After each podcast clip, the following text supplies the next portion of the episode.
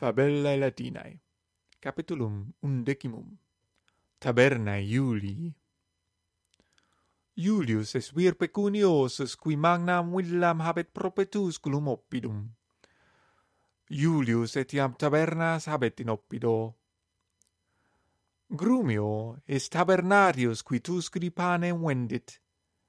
Quipsi panem sum facere non possunt panem agrumio emunt hoc modo ille pecuniam facet. Sed taberna ubi grumio pane vendit, non grumionis, sed Iuliist. Iulius est dominus grumionis, et tabernae eus. Ergo grumioni necesse est pecuniam Iulio dare. Iulius a tabernario suo pecunia accipit. Iulius cum servis urso et davo tus gruit. Dominus equo vehitur, servi non equis, sed asinus vehuntur. Grumio non sine timore dominum venire videt.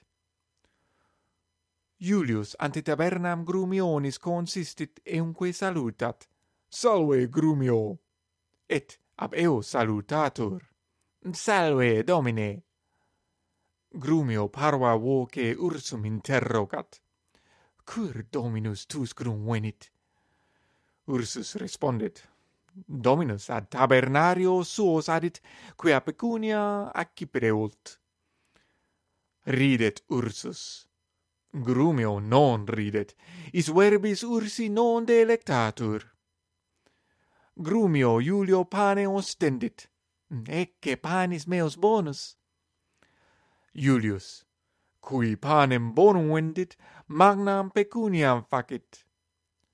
Grumio, sed multi alii sunt tabernari cui panem vendunt, ergo nec esses panem parvo pretio vendere.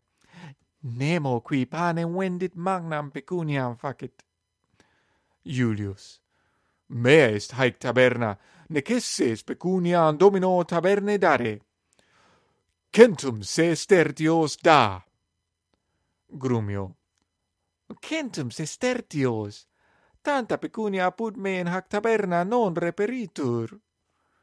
Grumio Iulio stendit saculum sum, qui neque plenus neque vacuus est. Iulius. Quod sestertium sunt in saculo tuo? Grumio nummos numerat. E unus, duo, tres, quator, quinque, eh, nona ginta, ecce aginta se esterti insunt. Julius irratus, non satis est. Sed pecunia sumit, et in saculo suo ponit. Ian saculus grumionis vacus est, sed in cubiculo sub lecto suo grumio non parvam pecuniam occultat. Julius Rursus in equum ascendit, et a taberna grumionis it, ad alian taberna suam, quaest in via ubi multi homines pecuniosi habitant. Tabernarius est emolpus, nequis panem, sed gemmas vendit, qui gemmas vendit magnam pecuniam facere potest. Ergo Julius a tabernario suo emulpo magnam pecuniam Aqui pré-ult.